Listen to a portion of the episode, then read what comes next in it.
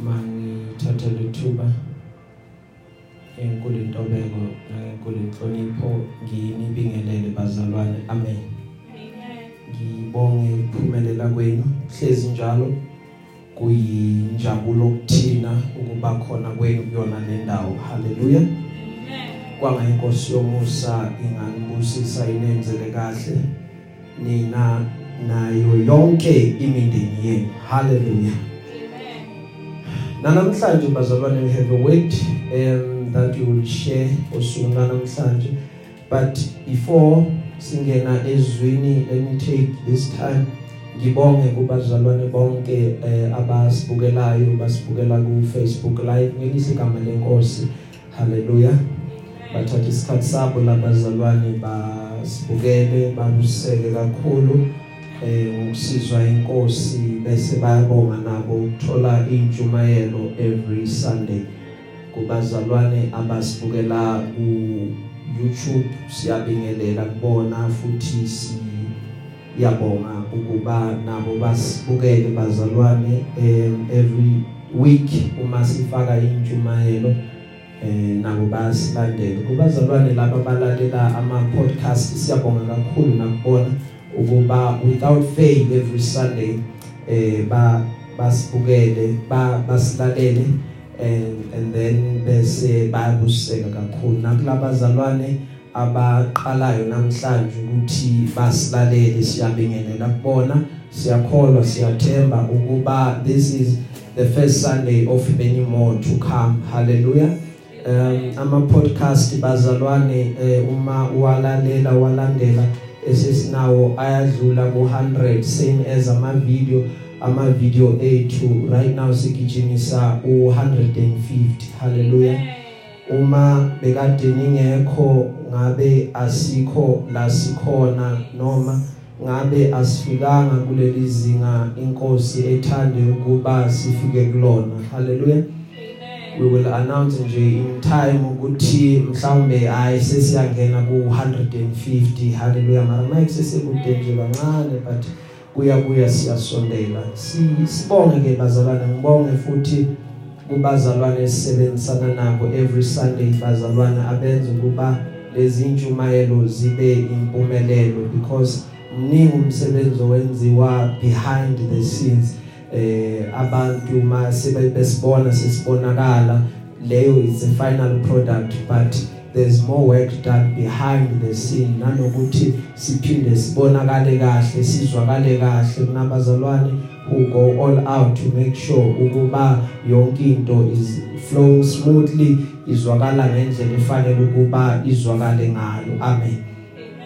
Ngicele ke ukuba eh, abazalwane bonke indaweni zonke baze bangayeki ukusikhulekela baqhubeke njalo basikhulekela ngoba uNkulunkulu lokhu abeke kuthina ukuba sambule imfihlakalo ebekade zifihliwe because you'll understand ukuthi abanye abantu abayiboni lento so okwethu kuba siqhubeke sizambule sihambisa ivangeli sihambisa indaba zakaNkuluNkulu. Elithe iBhayibheli ziyindaba ezinhle. Umhlaba uyayidinga lezi ndaba. So nize ningayeki ukuthi bazalwane uma nikhuleka emikhulekweni yenu bese amagama ethu angasali ngaphandle but niqhubeke njalo nisikhulekele ukuba uNkulunkulu lokweqhubeke aba inkosi yomusa ezimpilweni zethu. uNkulunkulu lokweqhubeke njalo asimisile siqhubeke njalo sambula usuku nosuku. Lokusimakade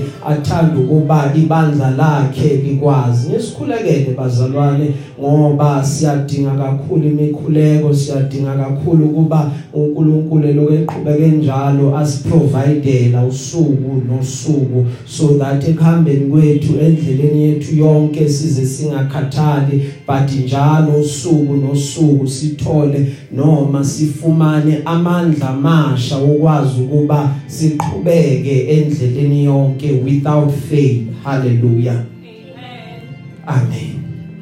Siyabonga ke bazalwane siyazi siyakholwa ukuthi eh inkosi izokwenza lokho. Nani nizoqhubeka nisithwele ngomkhuleko kube kuhle konke. Ngoba nathi bazalwane siyaqhubeka siyakhuleka siyanikhulekela amen.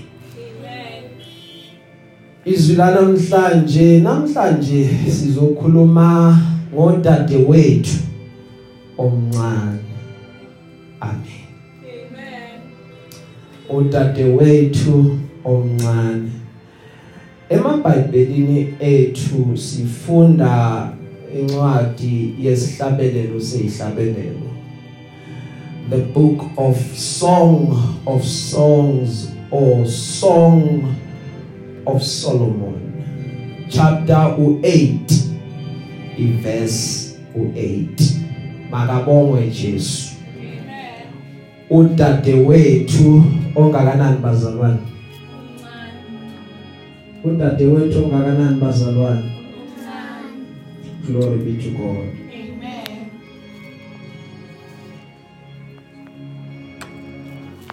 Ngifuna sifunde bese ngingena ku part 1 yalomyalezo manje.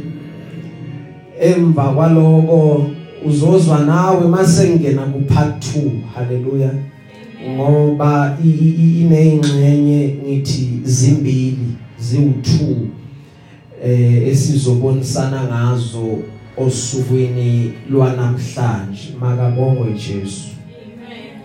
Ngiyacabanga ukuba singafunda um oyiphethe ngesilungu bazalwane. Okay ukhona oyiphethe ngesizulu mhlawumbe? Okay. Um athi ngiyifunde. Okay uzosifundela sisi sifundele.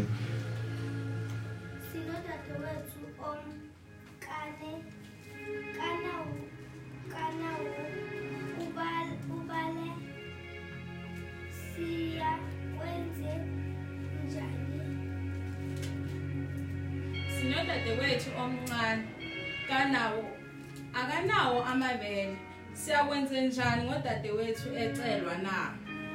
Ngicela uphinde futhi. Sinodadewethu omncane akanawo amabele. Siyakwenze njani ngodadewethu ecelwa na? Glory be to god. Amen. Cela ifunde ngesilungu.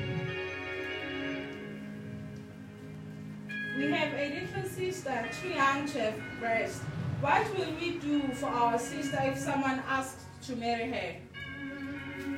Hallelujah. Amen. Ngifunda nge nge-amplified lithi izwi lenkosi we have a little sister and she has no breasts what shall we do for our sister on the day when she is spoken for in marriage. Sizovalana amehlo ethu.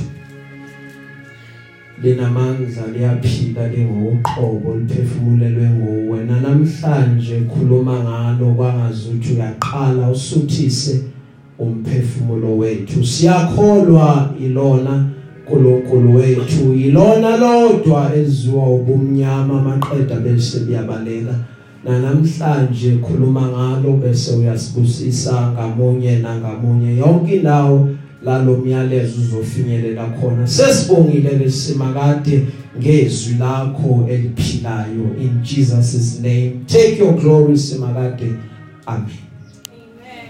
Eh sifunda izwi lenkosi. Na unento evelayo kumina eh ithi lento kumina uma abantu bephila behamba emhlabeni into uNkulunkulu ayenza ngamabomu ukuba uNkulunkulu ubapha ukuphila okuthile certain kind of a life that ekufanele ukuba bayiphile. Lempilo abayiphilayo ibese iba covered up noma yakhiwa ama experiences umuntu adlula kuona na kuvamsile ukuba lezi zinto umuntu adlula kuzona zihluke zingafani. Na kungenzeka ukuba sizalelwe emndenini owodwa but okufuneka ukwazi noma uqonde ukuba i life that God has set for us it is not the same. I life iyahluka. Baye bathi abakwazi ukukhuluma umuntu ufana neminwe yesandla uma uyibukisisa kahle uzo understand ukuba ayilingani. So nathi asilingani futhi asifani. Amandla ethu awalingana amandla ethu awafani. Singazalelwe endaweni eyodwa sifunde esikolweni esifanayo sithola ukudla okufanayo. But mind you our lives will never be the same. Noma ngaqala ngiphakame ngiphumelele uyibona impumelelo yami aqeda bese uyayithanda but angeke uzukwazi ukuyokwenza i-copy and paste empilweni yakho uthi la ngidlule khona kula ufuna ukudlula khona khona uzophumelela njengami ngoba kunezinto ezingakhile ngenkathi ngidlula kulezi zimo ngoba impilo yami yakhiwa injabulo. Okoqala lokho impilo yami yakhiwa inyembezi ikhathi ezibhlungu nezikhathi zosizi ikhathi ezingekho mnandi. Yizona zonke lezo zinto uma ithathwa ihlanganiswa elithi iBhayibheli uNkulunkulu wenza ukuba konke kusebenzelane maqeda bese kuba kuhle kwabamthandayo nababizwe ngokwecebo lakhe. Na kukhona ikhathi empilweni ezifikayo ezibhlungu ezingehlelayo. Kukhona ikhathi zokunethwa imvula khona ikhathi la ngibukana khona nezivunguvungu khona ikhathi la ngafisi khona ukuphumela ngaphandle la ngize ngicabange khona ukuthi hleza abanye abantu bayangihleka hleza abanye abantu babuke mina bathi hawu wehlelwa kangaka kanti naye kanti naye ziyamnetha kanti naye ziyamshaya. But i really thank god ukuba uNkulunkulu wenza ukuba ukushayeka kwami kungabonakali ebantwini. uNkulunkulu wenza ukuba usizi lwami abantu bangalwazi ngoba ngingageza ngibukeke ngithandeka namhlanje. Uthi mawungibuka uthi awaze wathandeka mfoka motha bese kuba nalento ethi kubuyazi ukuthi izolo bekade ngikhala. Kube nalento ethi kubuyazi ukuthi izolo umcamelo wami ngivuke nje umanzi ugcwele inyembezi but akazi and i praise god because uNkulunkulu uyihlazo lwami uye walivala walenza ukuba kubantu lingabonakala uma bengibona babone ngigezile ngithandeka ngimuhle bese abantu bathi wow sifuna ukufana naloya muntu. Glory be to god.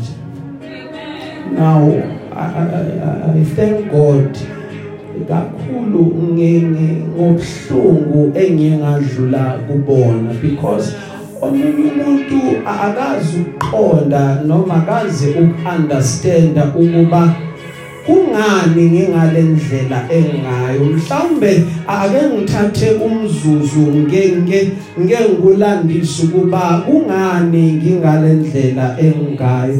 Ngithe ekuqaleni uma ngiphila impilo ngathola ukuba impendulo kahle kahle anginazo ngoba kunezimo la uNkulunkulu ebekadinga ukuba ngiyodlula kuzona. So ngafumana lowo musa wokuba inkosi ibe seduze nami then nganquma ke nami enhlizweni yami ukuthi uJehova uyawukuba ithemba lami kuzona zonke izimo noma ngihamba ngidabula ehlane uNkulunkulu uyohlezi njalo ayithemba lami. Now zithe lezi zimo uma ziqala zenzeke empilweni yami kuthe makuba khona ama experiences angathandeki kuthe uma kuba khona ukuhlushwa empilweni yami okuba khona okungehlakalelayo ngakhumbula ukuthi nginedwala efanele ukuba ngibalekele kulona ngoba ngoba ngiye ngashayeka ngiye ngawa ngiye ngahuzuka na uma ngishayeka ngathola izibazi zendlela but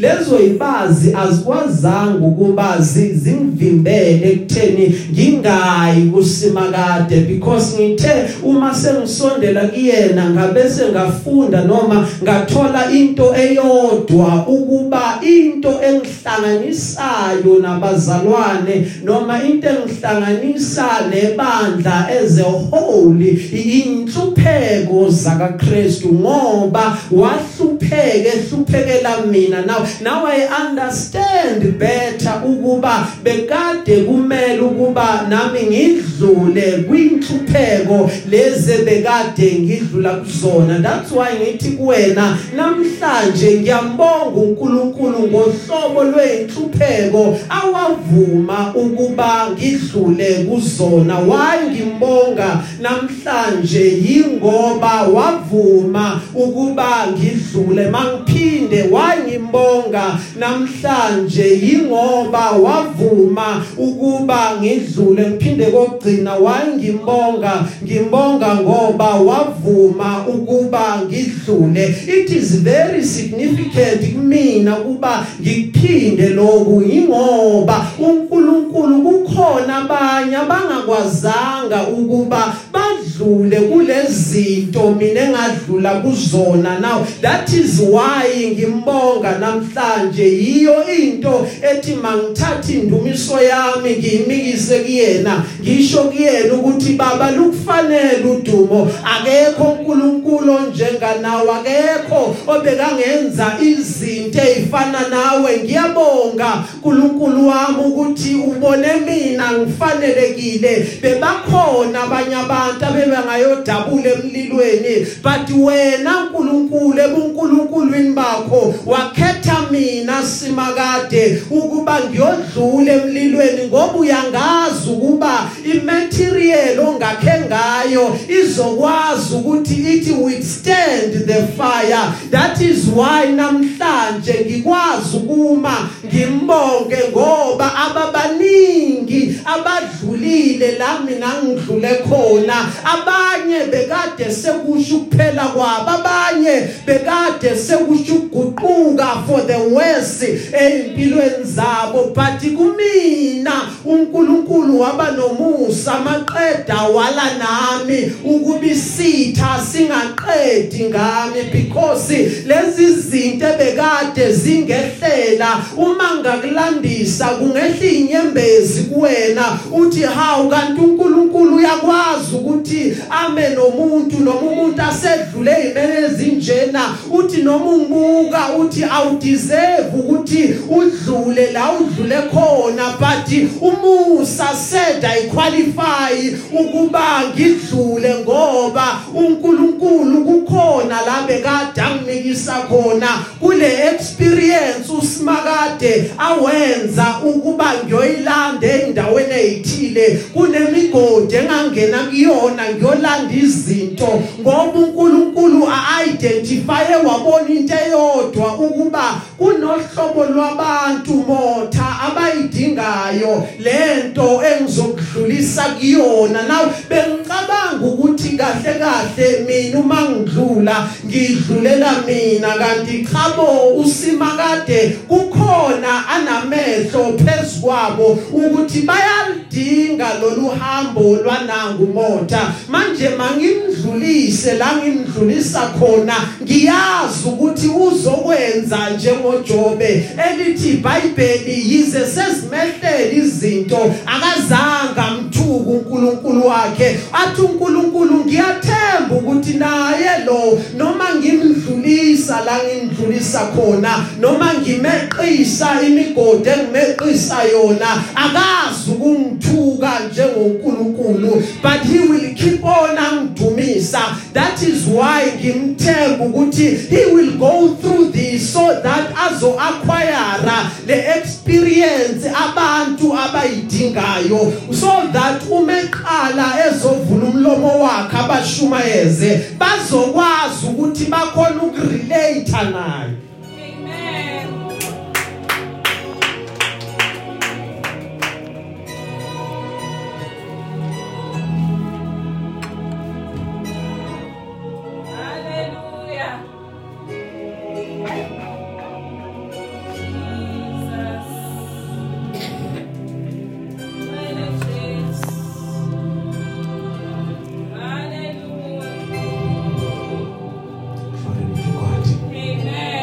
Now now uh, abantu into abayidingayo is is is is iexperience yala udlule khona into into Amen.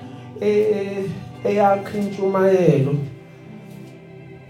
akukona ukwazi amavesi amakhulu Eh, baningi baye Bible school but mabebuya babuya babe frustrated because kukhona la bangakhona ukufika khona. Kukhona uhlobo lwabantu abangakwazi ukuba babathinte. So that thing yaba frustrate yini into yakha intshumayelo into yakha intshumayelo is la udlule khona udlule now because lezi zinto uyabona uma uma besifundisa lapha ngokushumayela baye bathi ungayishumayeli into ongayazi into ongadlulanga kuyona uvele nje ungayithinti because eh le lento leyo icounter kakhulu ukuthi lo muntu uyayazi yini lento akhuluma ngayo u- uke wa wayi experience because kuneminyango angeke akhona ukuthi afinyelele kuyona. Unless uNkulunkulu amvulele igrace that wind of grace ukuthi angangena kuyona. But umuntu nomuntu uphathiswa umyalezo wakhe based on ukuthi uhambo lwakhe bekade lidlula kuphi.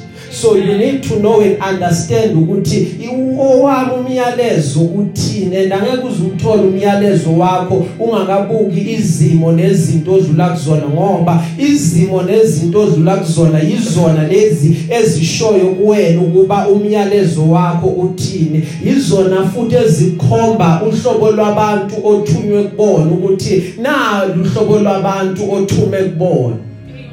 Kungenzeka empilweni urejectwe. Uthi uyangapha ureject uthi uyangapha urejectwe. Yingoba uthunywe kubantu kuhlobo lwabantu abayaziyo irejection abakwaziyo ukuthi ukhishwe inyumbazana ukhishelwe eceleni ungafunwa yilabo bantu othunywe kubona. So into ezokwenza ukuba ukwazi ukuthi urelate nabo better ukuthi wena self udlule kuphi. So into eseyizobashumayeza akubona ukuthi ufike wabakhulumela isilungu noma amagama amakhulu but ukuthi iexperience yakho iyaconnecta yini neyalomuntu ngoba kunezimo ezidlula kuzona after sesidlulile kuzona athi umuntu emile eshumayela uzuthi lo mfundisi ngazuthi bamtshela indaba zabo bamxoxelile. Kanti chabo lento naye uyayazi uke wadlula kuyona. That is why it has become part of imessage azoyideliver kuwena namhlanje. Bese uNkulunkulu enza ukuba ni connect nibe ku same pace or same place so that you can receive that message. Amen.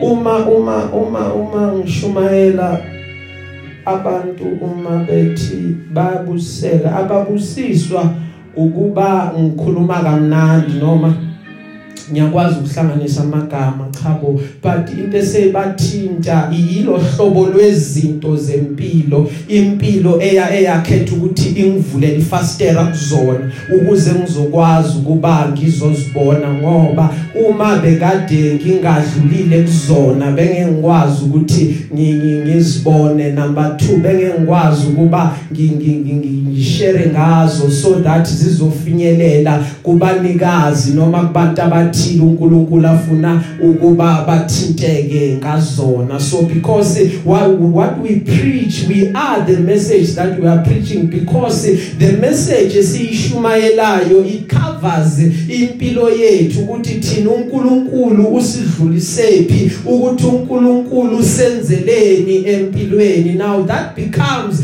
part of our message esiyithathayo sidlulisele emhlabeni. Why? Because iqiniso ukuba umhlaba uyayidinga le message oyiphethe. Kunabantu abangeke bakuzwe kahle uma usakhuluma ngabo Johane. Kunabantu abangeke bakuzwe kahle uma usakhuluma ngabo Jobe ngoba ubona ukuthi uJobe ukude ledala wakudala waphila akazi izinto ebeze ezenzeka manje in this time. Into ayidingayo udinga uhlobo lomuntu. Who will say? Mina ngokwami ngokwakamotha chapter 1 verse 1 ake ngikutshele ukuthi uNkulunkulu ungidlulisephi. Abanye bebangasho bathi uNkulunkulu akekho but mina i have seen uNkulunkulu angidlulisa lana lana la maqeda bese umuntu athi pay attention. Ngani ngoba? Uyakubona phambi kwamehlo akhe. Bese kuba nalento ethi uma umothe kwazile ukudlula. It means ukuba nami ngingadlula. Now yiyo enye yezinto eqhubeka isimise leyo. Ingoba kukhona uhlobo lwabantu ababukele kuthina. Izinto ziyenzeke empilweni zabo. Imvula ziyafika izikhukhula ziyafika but umebuka maqeda bona umotha esamile. Athi it means nami ngaqhubeka ngime. That is why singakhona ukugive up. Izamandla sephela. Ingoba uNkulunkulu kunemphefumulo asithembe ngayo athemotha aqhubeka izwe lisakudinga abanye bangashanga athi ababoni but iqiniso ukuthi uma bebona uqhubeka nabo bayakhuthala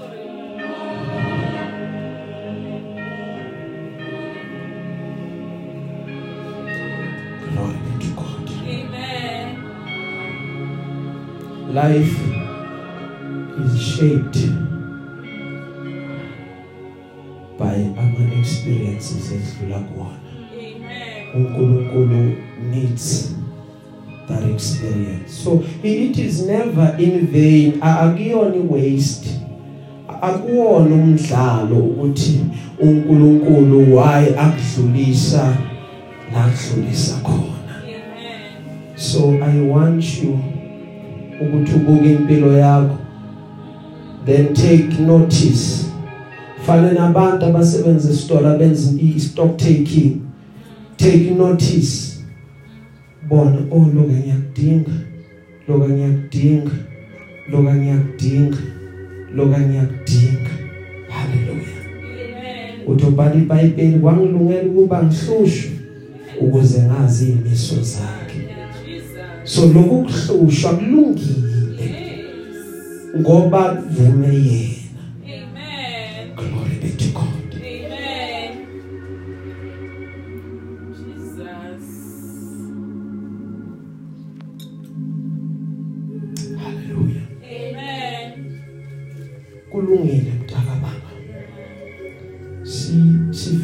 Esikhathini la?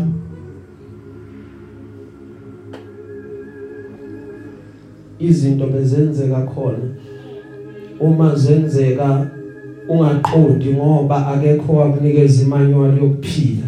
Yes. akekho wathi ekuphileni kuzohamba ngalendlela noma mawudibana nanako nabe ezokufanele ukuba ukwenze. But we had to figure it out see on our own. Kwamele ukuba sikhale kwamele ukuba sishe kwamele ukuba sishayeke kwamele ukuba siwe kwamele ukuba silimale ukuze sizobona sifunde izinto ezithile. Ngoba lezi zinto zingakenzeki bekukhona ukuduka kuthina okunye ukuduka beqala even engqondweni yethu ukuthi the day uNkulunkulu sekangiphakamisile ngiyoba yilolu hlobo lomuntu but ngenxa yokushepwa izimo sekunezinto ezihambe zahamba zaguquka. Zathi uma uNkulunkulu the day sekakuphakamisa noma usimakade the day sekakuhambela uzungakwenzi lo ngoba sekuyosho ukuthi sowuphakeme. But wena qhubeka uthobeke and bengeke size sikuthole lokhu uma izimo zingasehlelanga. So besizidinga lezi zimo ukuba zisehlele. So into esakhile nayi ukuthi sihambe sahamba senza amaphutha ukuthi sihambe sahamba sakhuluma nabantu abarongo. Singazi ngoba kunento esishisayo ngaphakathi. Ufuna ukuyitshela umuntu othile uthi mangafi nale ndaba ngoba uma ngiloku ngihleli kuyona ngigxile kuyona iyaqhubeka iyangidepressa mangiyikhiphe. Ngoba uzwe kuthiwa bathi kuwena ukukhuluma kuyasiza but wangakwazi ukukhetha indlebe efanele ukhulume kuzona. Waze wayokhuluma nasendlebeni ezirong wathi uma usuka lapho bahlala baphuza ngawo amatiya bahlekisa ngegama lakho. Konke lokhu bokuyiphathe nephaseli yohambo lwethu. Sithe uma sihamba sawenza amaphutha hayi ngoba bekade sibona siwenze kahle singaboni ukuthi la sengenza iphutha uthe uhamba wayokhala kathele wena ungazi ungaboni ukuthi la sengene wena sathemba abantu abarongo ebekufanele ukuba singabathembi. Inkinga yethu siqale ama conversations siqale ingxoxo nabantu ebefanele sibabulise maqeda sidlule singasaqhubeki. Inkinga yethu sihlale nabantu phansi saphuza nabamatiya sakhuluma izinto ezijulile kanti lolo hlobo lwabantu befanele ukuba sikhulume nabo ngeweda kuphela nanokuguquka kwesimo sezulu. Sikhulume nje ukuthi namhlanje kuyashisa namhlanje kuyabanda kubi conversation yaqhamuka but ngokungazi ngokungaboni ngokungabi nayo discernment sibe sesiyalanda. Maqeda sathatha abantu sabafaka empilweni zethu. Kanti labo bantu sesibathembe ngeimpilo zethu abantu engafanele ukuba sibathembe ngoba at the end of the day abantu abarongi abantu abangasifiseli okuhle abantu abangasifiseli ukuthi sisuke la siye phambili abantu abangafuni ukuba siqhubeke nempilo abantu esithi uma sikhuleka enkosini sikhulekele okuhle kodwa bona bafunge bathi soke sibone ukuthi kuyokwenzeka kuze ukwenzeka. Now nathi siyayibuza sometimes ukuthi yingani lento ngiyikhulekele sola yenzeki bese ngithi kuyalunga. But now sengathi sengibuyele emuva bese ngithi kuyaphumelela bese ngithi ngiphumela ngaphesheya. But yingani ngazi ukuthi sengibuyele emuva? Ingoba ngithathe izinto ngayo ayithemba ebantwini abarongo abakhuluma iopposite yalento engiyikhulumayo. Ngifike kubona ngakhuluma impumelelo bona bakhuluma ukuhluleka. Abanye babo inkinga ukuba emehlweni bayazenzisa Amen. kuba ngazuthi bayangithanda kanti abangithandi bayayifuna all the details ukuthi kuqhubekane empilweni yami kwenzakalani? Sewukuphi? Unobani? Uhlanganyela noba kuyabahlupha lokho kuyabakhathaza lokho. Why? Because they are looking for a way they are looking for means ukuthi bangangena kanjani ngoba kunzima ukuba umuntu angene unless wena wena umnikeze iaccess. Amen. glory be to God. Amen. sithemba abantu abangafanele.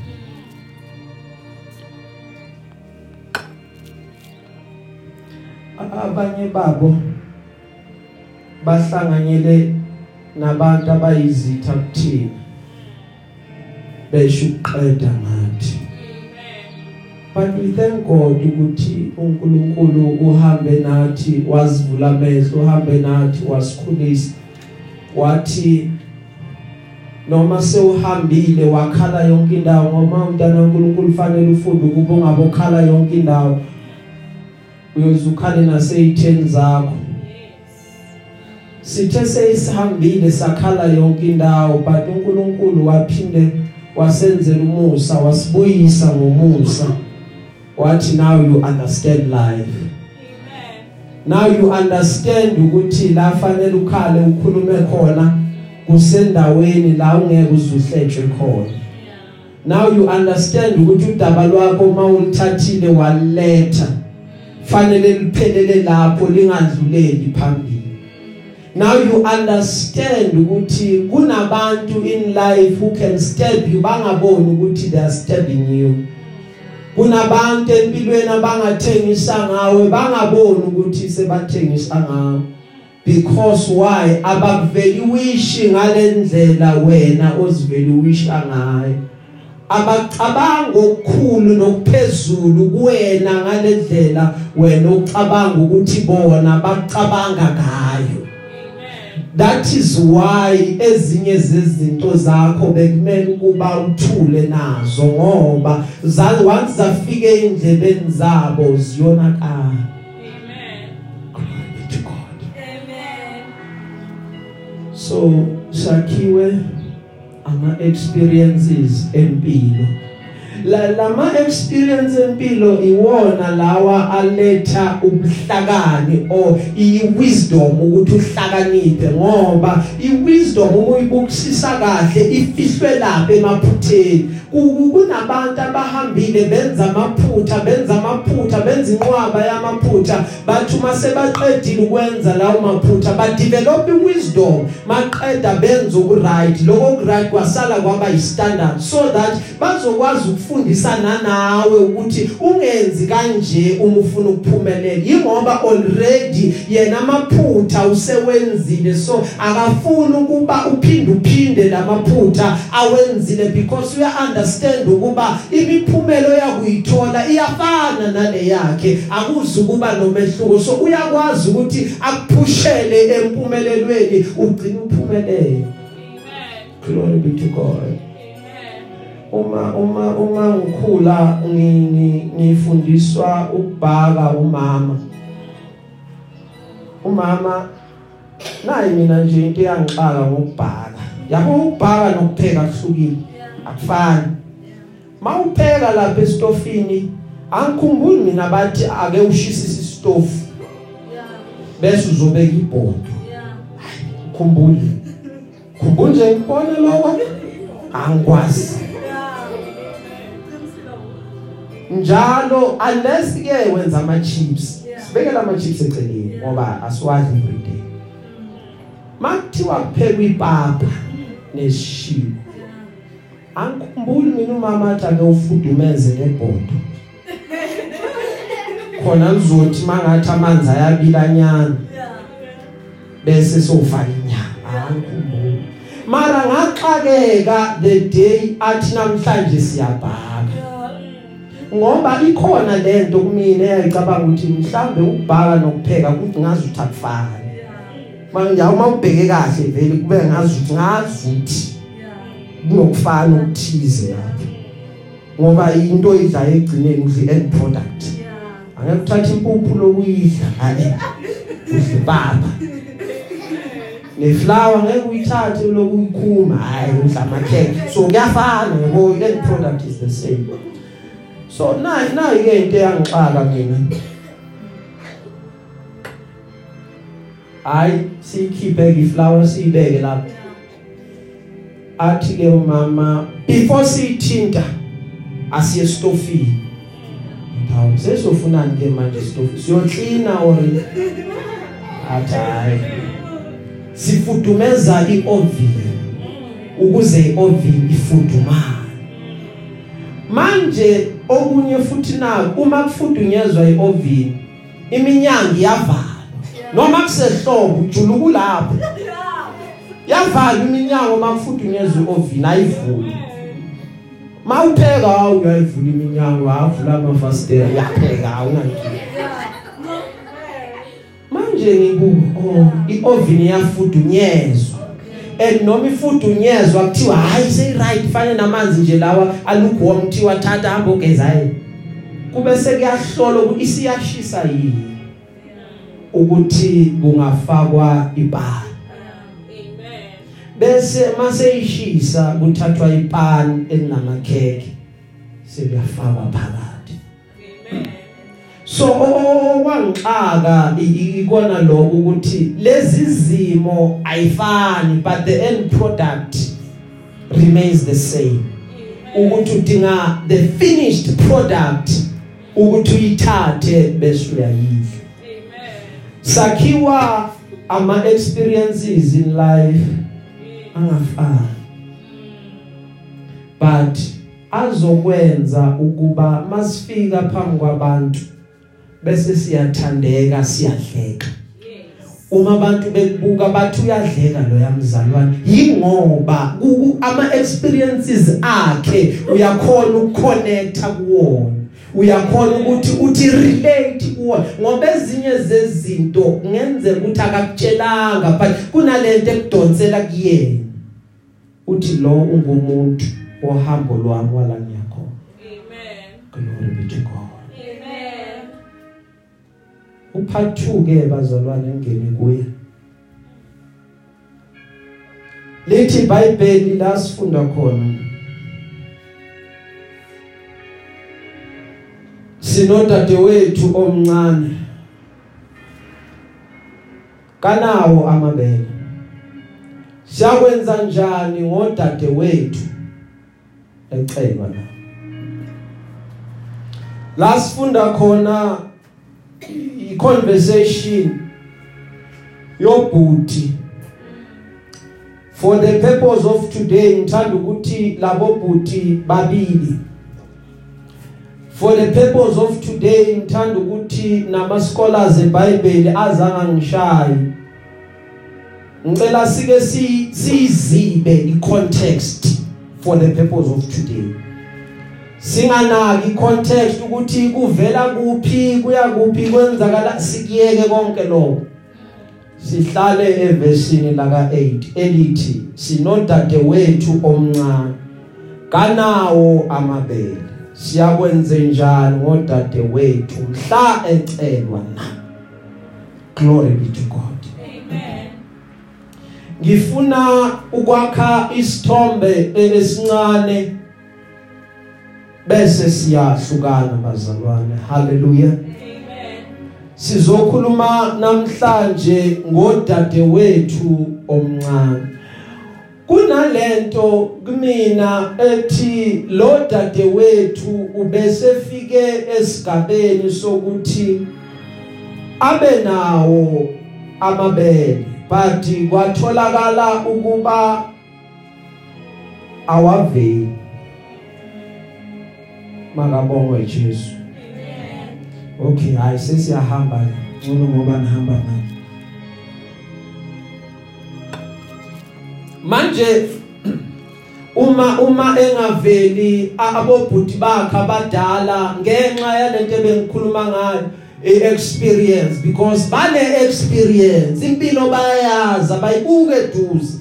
Bayibuka kude bayazi ukuthi umuntu uhamba hamba akhule afike esigabeni esithile. Uma sekafike kuleso sigaba kukhona umuntu kuyena okuzotriggerisheka into ethile. Maqeda athathe isinyathelo aqonde ekhaya lalaba lalabantwana bebonke abafowabo kanye nodadewabo. Afike lo muntu athi ngizocela isihlobo esihle. Now uma efike ezocela isihlobo esihle uzocela lo dade wabo abambonayo lo abamhlalele bambambela umhlangano namhlanje. Ngoba kunalento ethi mina bakhathazekile ngaye ukuthi kube sekungalendlela but akukho ngalendlela manje thina mfowethu siyokwenze njani because lolu suku siyalibona luyasondela so we need an answer. Amen. Siyakwenze njani now you need to understand ukuthi ku- kubantu besifazane uma sebakhulile kuyimvelo ukuba babe namabele. Haleluya uma sisadlala thina ipeni peni Guy Fox mhla ka 5 November baye bathi wena uanti uyibona kahle nje ukuthi uyinsizwa awusiye uanti awufani nje nano anti bathi iza la mfana wami. Mfana kagogo bathathe ke lawo ukufakelwa bakufake ube namabele baphinde bakuzame ube naneyibuni bathi hamba kuyocula eitradini ukokoda umuzi nomuzi uzothi peni peni peni Guy Fox manje inkinga ukuthi lawo awelanga elilodwa ilawo kufakelwa manje kuba nomehluko kulo onalawa wokufakelwa. Nakulo onalawa wangempela there's always that difference. Lo owokufakelwa kufanele aqala linde isimo esithile ukuze awakhiphe ukuze kusale kubonakala ukuba ngempela kanawo and akavamisile ukuthi awakhiphe phambi kwabantu. Uwakhipha uma eseyedwa so that abantu bangaboni but all along bacabange ukuba unawo kanti akanawo Now lo onawo ngempela noma ehambe emoli akhona ayabonakala. Noma ehlele ekhaya akhona ayabonakala. Akafake lutho ngoba akusiwo okufakelwa angawo impela. Waphiwa wona uNkulunkulu. Si si sinabantu empilweni abafana nalo dadewethu esikhuluma ngaye omncane. Abanganawo amabele but uma ubabuka kude ungazukhola ukuthi banawo kanti empeleni abanawo. And manje inkinga yaloku kuphila ukuba sidibana nabo amaphathi ethu ahamba hamba hlangane. And eh, kungenzeka ukuthi kugcine kube ibona laba abasikhubazayo empilweni. Ngoba size kubona sicabanga ukuthi banawo. Kanti abanawo. Glory be to God. Amen so kukhona uhlobo lwabantu abafowabo ababahlalela phansi bese bayabahlelela impilo yabo. Bathi siyambona udadewethu ukuthi unjani. Inature yakhe siyayazi siyayibona. Akanawo amabele but yodwa into esiyifunayo sifuna ukuba ayithole sekasemshadweni. Ngoba lokanako ikona okudingeka la ayakhona now uma efikile kuyofika kusebenze lapha ukuze kukwazi ukuba kunakekele lokhu okuyotholakala phakathi emshadweni. Amen. Glory be to god. Amen. Ama amabele empilo wesifazane amele ukunechara impilo. Amele number 2 amele ukuthi alokhuze anikeze icomfort kulo owamkelayo so it's those two things to nurture life and to give comfort to umntwana. Uma umntwana ungambukusisa kahle as asondela kumama besifubeni ucomfortable ayikho enye into. Msuse wena uma ufuna ukumbona khala ngoba uzokhala umntwana. So manje ke laba bobhuti bathi siyazi ukuthi lapha kudingekani lapha kufuneka ini. And lo wala ekhaya akanazo lezi zinto ezifuneka la afanele ukuba ayikhona then umbuzo uthi siyakwenze njani mhlazana ecelo namhlanje sizokhuluma ngodade wethu omncane. Haleluya amen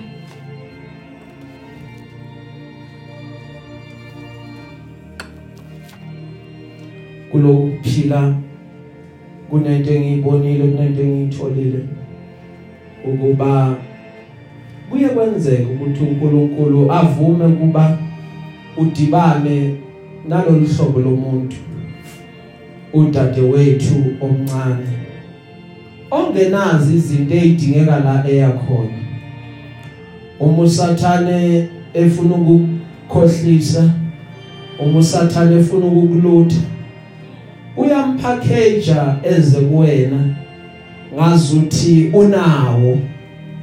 Kanti akanawo and unebhadi uma uzobona sewuphakathi ukuthi akanawo ngoba wena ucabange ukuba unawo. Uma usuphakathi uma esehluleka ukuba akunature uma esehluleka ukuba akunikeze impilo. Uma esehluleka ukuba akunikeze icomfort. Kula uzobona khona ukuthi maye ngempilo yami lo engidibane naye akanawo. Ngoba lo bekade ngimfuna ngihamba ngimthungatha bekade ngicabanga ukuba unawo. Kanti ngizothola lo ongenawo. Ingakho ngiyithola sengikulemese ngiyithola ngikuyona. Ngobani? Ngoba lo esengidibene naye kunezinto angakwazi ukuthi ayifukamele njengesikhukhukazi. Bengicabanga ukuthi ngithole yena onawo zokwazi ukuthi abreathe life even kwizinto engiyomnikeza zona. But engikuthola engikutholayo ukuthi izinto zami ziyafa. Njalo uma ngiqala ngivula umlomo ngithi ngiyakhuluma izinto zami uyishutha down. Bekade ngivutha ngivuthela inkosi kulamalanga sengiyabanda. Angiboni whether ngiyafika noma ngiyaphuma whether ngiyangena whether ngiyaphuma i can't tell ngoba lo engidibane naye akanawo. Kuba ngazuthi izinto zilungile uma ziza kuyena kuphela akakwazi ukuba angicabangele ukuthi nami ngiyadinga ukuthi kumina kungihambele kahle. Ingoba ingoba akanawo. Ende unebhadi uma uzoyithola sewuphakathi ngoba abafowabo la ezalwa khona bahlala bakhuluma abe yi-center of attention. Bayamaza ngithi bambona ukuthi akanawo. Bese bamlungiselele ukuba ahambe ayongena emshadweni. Bese ube nebhadi ke athole wena angene nawe ke emshadweni. Kula amehlakha ayovuleka khona ubone ukuthi kahle kahle ithemba alikho ngoba lo engimtholile akanawo because la sengikhona sengithathe istep esesingabuyiseleki emuva ukubuyela emuva sekuyosho ukuphela kwezinto ezithile empilweni yami ngoba ngisuke ngaphandlwa noma ngixoshwe uthando ebengicabanga ukuthi lukhona kanti la ngiholeleke khona ngiholeleke endaweni errong yomuntu onganazo lezi zinto engidingayo uma sihamba uma siphila siyamdinga ukuthi lo muntu esondelana naye ubuke bonke ubudlelwane bakho. Kunohlobo lwabantu abanawo amabele. Kunohlobo lwabantu abanganawo amabele. Thatha indaba yakho umtshele yona ithatha igcwalisa izwe lonke leli kodwa uzibiza ngomngani wakho. But ekuhleliwe ngokwempilo yakhe kuhlelelwe ukuthi afike esigabeni esithile. Kunabantu abakhahlelwa amahashe esifubeni kunabantu abayingozi. Ngalendlela bakhuluma ngeindaba zabo kakhulu. Noma seka umama nabantwana uphinda hleba abantwana bakhe. Uyabona ukuthi lo muntu akanasifuba lo. Enye izinto fanele ayigcine kuyena but ngoba akakwazi akanawo uvela uyakhipha nje. Uyingozi umuntu onjala umdinge eduze kwakho. Haleluya. Because uyazi nawe ukuthi futhi omama bayazi ukuthi ihlazo lasekhaya liyambozwa livalwe kungakhulunywa ngalo kuthiwe konke kuright konke kuhamba kahle. But lona yena uvulele kakhulu uyipe uyimpela haleluya. Noma bekanga stadium bayawathulisa amavuvuzela bathi akukhulume nje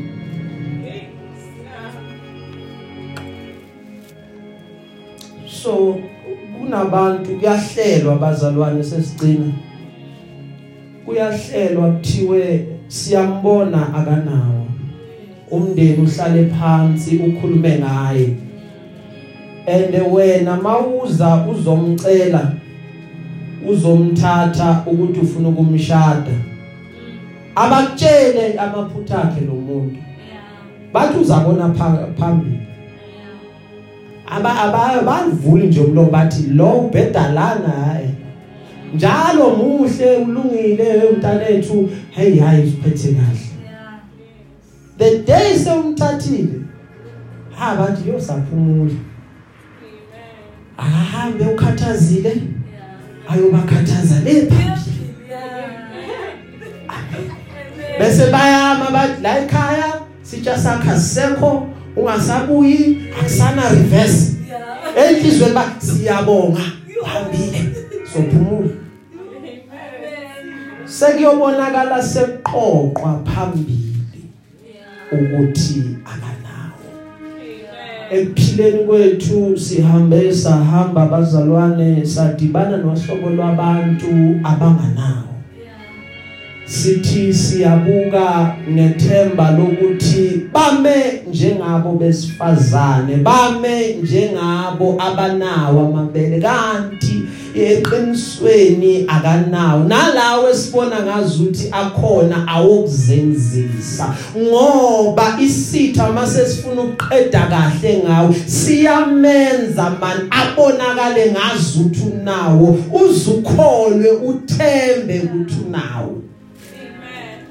Uma uma nje qale evula umlomo uthi inkosi mangikhuleka baba ngikhulekela yena. Lo odumisa wena simakade ukuthi ame namadumisi. Uthola exactly.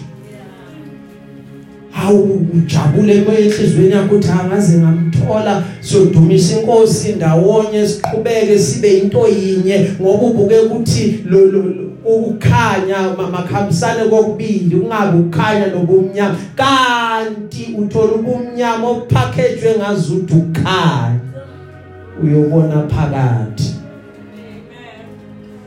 Ngakho that's why abantu abathi mabaqhala bekhuluma bavuleka amehlo bathi lo muntu engidibane naye kuba ngazuthi usathane njengoba bathi unama trick usathana amalesini wathatha kulomuntu ngalendlela angigile ngayo. Ngoba ngifike ngicabanga ukuthi unawo kanti akanawo. Haleluya amen manje sesigcina ke bazalwane umbuzo uthi wenza njani uma uyithola phakathi kwesimo sokuthi uyithola usondelene nodade wethu omncane onganawo amabele. Wenza njani? Ngoba kokunye amehlakho ngenzeka ukuba awakavuleki but yena ukhona. Sempilweni yakhe hey uyakusebenza yo. Nje nje nje uyaqeda ngawo esikhundleni sokuthi ukhulu nzonzobale lokubuyela emuva ingoba ukhona lo dade wethu onganama be ngelinye lamalanga ayovuleka amehlo kusuka inkungu emehlweni. Mase kusuka inkungu wenza njani? Once wathola ukuba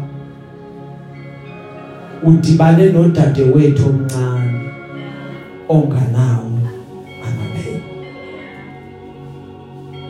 uma kukuhle kuwena uma inkosi ivuma enhlizweni yakho ngingasho ngithi ungaphuma. Haleluya. Because izimo zabantu ayifani. Kunohlobo lwabantu that you cannot say kubona phuma suka deda kulomuntu nje because enhlizweni yakhe kuba nalento ukuthi angimnikeze linye ukugilila izolo wazoxolisa angiphinde ngimnike linye ithuba. Wagila namhlanje waphinde waxolisa angiphinde ngimnike linye ithuba. Uma ngingakakhanyi kuwena thina si waste isikhathi masiloku sithi phuma. So the day the day uNkulunkulu athi kuwena phuma. The day uNkulunkulu athi kuwena suka kulomuntu ngifuna ukuthi mawuphuma make sure ukuba uphuma kahle. Ungashayi isichaba mawuphuma ungavali rakho unyawo mawuphuma phuma kahle. Ngoba kunento abantu abangayibuki but injalo ehlala ikhona ukuba lo dade wethu omncane akayikhethelanga ukuthi angabi nawo. Amabele lo dade wethu omncane uma uyibukusisa kahle impilo yakhe initially akazange ayikhethe lento ayiyona. Ugcine sekaba yivictim yama circumstance ayithola aphakathi kwawo wakhetha ukuqhubeka nawo. But uma ungabukusisa kahle la konakala khona akazange athi by choice ngifuna ukuba kanje. Kunohlobo lwabantu olingakhethanga ukuthi mina mangibe imenemene phakathi kwabantu. But isimo simholele lapho wagcina imenemene wagcina umuntu ongathembeki phakathi kwa kwabantu yingobani isimo Now so ufuna ukuphuma so ufuna ukuhlukana naye make sure ukuba uphuma kahle. Ungaphumi kahle. Ngoba akazenzanga. Ngelinye ilanga uMoses uya kuNkulunkulu umefika kuNkulunkulu uthi uNkulunkulu kuyena hamba okhipha abantwana bamezwe lokugqila lithi iBhayibheli uthi uMose ngiyasuka Nkosi ngiye kuFaro ngiyavuma. Mangifika kuFaro uNkulunkulu fanele ngifike ngikhulume. Nkosi uyangazi. Angikwazi ukukhuluma nginamalimi ulimi lami nje lunzima. Angikwazi nje ukukhuluma. uNkulunkulu umbuzo umbuzo owodwa uthi Moses ubani owenza umlomo womuntu? Moses ubani owenze isimungulu nesithulu? Moses ubani owenze obonayo nempumputhe na? Hamba Moses ngizoba nawe. Sengcina ngithanda ukusho lamagama udadewethu omncane onganawo amabele. Uma usuka kuyena make sure ukuthi usuka kahle. Uzame nanokuthi ungalwi naye because ulwa from a point of understanding wena ukuthi akanawo amabele. Yena ulwa from a point of ungaqondi ukuthi akanawo. Ucabanga ukuba izinto zinomali ngoba impilo imholile yamlidela lapho la akhona. Na ukunzima kuyena ukuthi angaguqula isimo sempilo yakhe unless kube khona irevelation eyenzakala. Njengoba irevelation ingaka ingakenzeki kuyena akakwazi ukuguqula impilo yakhe. Akayiboni iphutha kuyena. Phuma kahle bese uyakhuleka ukuthi inkosi ngiholele emntwini onawo amabele. Because lo onawo nguyena ozokwazi ukuba agcine lento ozanayo edinga ukunceliswa edinga ukukhuliswa edinga ukunakekelwa edinga icomfort. Yilo onawo and lo onawo kokunye angeke uzuze ukukhulume ukuthi naku kudinga ukunceliswa. Uzovele azi athi nawu sekudinga ukunceliswa ncela uzovele azi athi sekudinga icomfort be comforted. Uzovele azi athi sekudinga inaturing be nurtured.